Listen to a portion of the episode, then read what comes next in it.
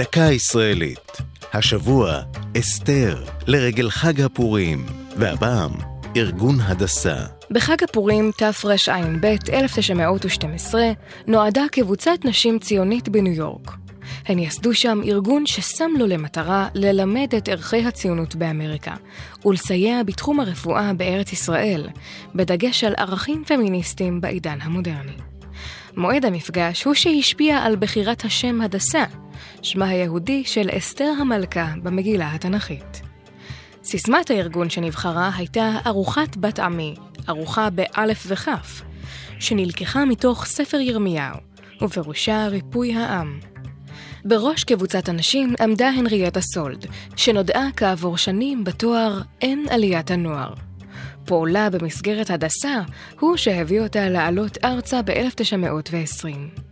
תחילה שלח הארגון שתי אחיות לארץ ישראל להקים תחנת בריאות הציבור בירושלים.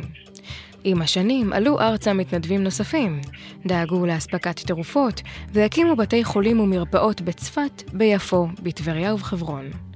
מלבד הפעילות בתחום הבריאות, הקים בארץ הארגון הציוני של נשי אמריקה כפרי נוער שקלטו תחילה ילדים ניצולי שואה, ולאחר מכן נוער בסיכון. לארגון הדסה העולמי סניפים ב-34 מדינות.